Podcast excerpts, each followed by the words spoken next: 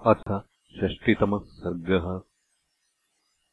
सुमन्त्रकृतकौसल्यासान्त्वनम्।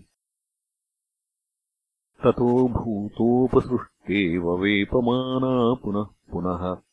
धरण्याङ्गतसत्त्वेव कौसल्यासूतमब्रवीत्। नय माम् यत्र काकुत्स्थः सीता यत्र च लक्ष्मणः तान् विना क्षणमप्यत्र जीवितुम् नोत्सहे ह्यहम्।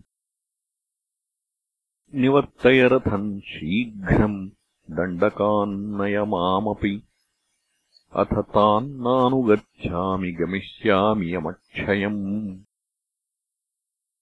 बाष्पवेगोपहतया स वाचा सज्जमानया इदमाश्वासयन् देवीम् सूतः प्राञ्जलिरब्रवीत्। त्यजशोकम् च मोहम् च सम्भ्रमम् दुःखजम् तथा।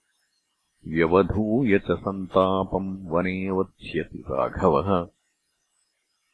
लक्ष्मणश्चापि रामस्य पादौ परिचरन् वने। आराधयति धर्मज्ञः परलोकम् जितेन्द्रियः विजनेऽपि वने सीतावासम् प्राप्य गृहेष्विव।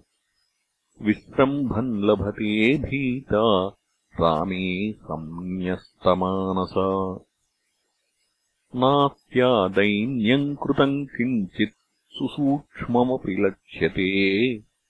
उचितेव प्रवासानाम् वैदेही प्रतिभाति मा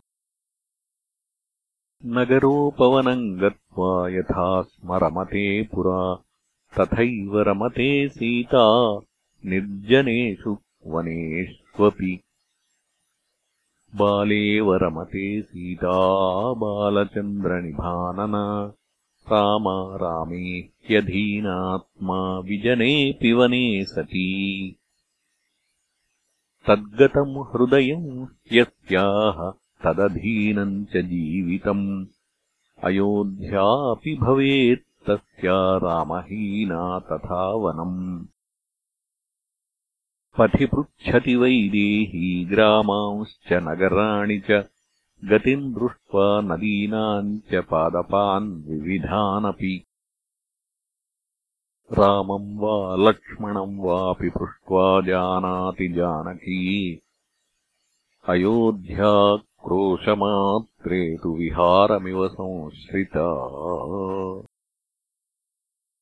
इदमेव स्मराम्यस्याः सहसैवोपजल्पितम् कैकेयी संश्रितम् वाक्यम् नेदानीम् प्रतिभाति मा।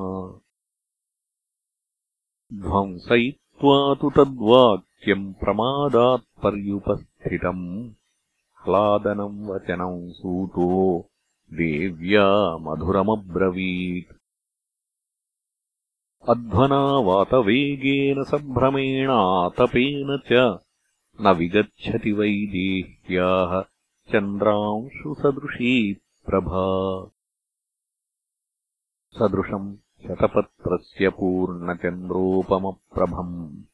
वचनम् तद्वदान्याया वैदेह्या न विकम्पते अलक्तरसरक्ताभौ अलक्तरसवर्जितौ अद्यापि चरणौ तस्याः पद्मकोशसमप्रभौ। नूपुरोद्घुष्टहेलेव खेलम् गच्छति भामिनी इदानीमपि वैदेही तद्रागान्यस्तभूषणा गजम् वा वीक्ष्य सिंहम् वा व्याघ्रम् वा वनमाश्रिता। नाहारयति सन्त्रासम् बाहू रामस्य संश्रिता। न शोच्यास्ते न चात्मानः शोच्यो नापि जनाधिपः। इदम् हि चरितम् लोके प्रतिष्ठास्यति शाश्वतम्। विधूय शोकम् परिहृष्टमानसा महर्षिया ते पथि सुव्यवस्थिताः। वनेरता वन्यफलाशनाः पितुः शुभाम् प्रतिज्ञाम् परिपालयन्ति ते। तथापि सूतेन सुयुक्तवादिना निवार्यमाणा सुतशोककर्षिता न चैव देवी विररामकूजितात् प्रियेति पुत्रेति च राघवेति च। इत्यार्षे श्रीमद् रामायणे वाल्मीकीये आदिकाव्ये अयोध्याकाण्डे षष्टितमः सर्गः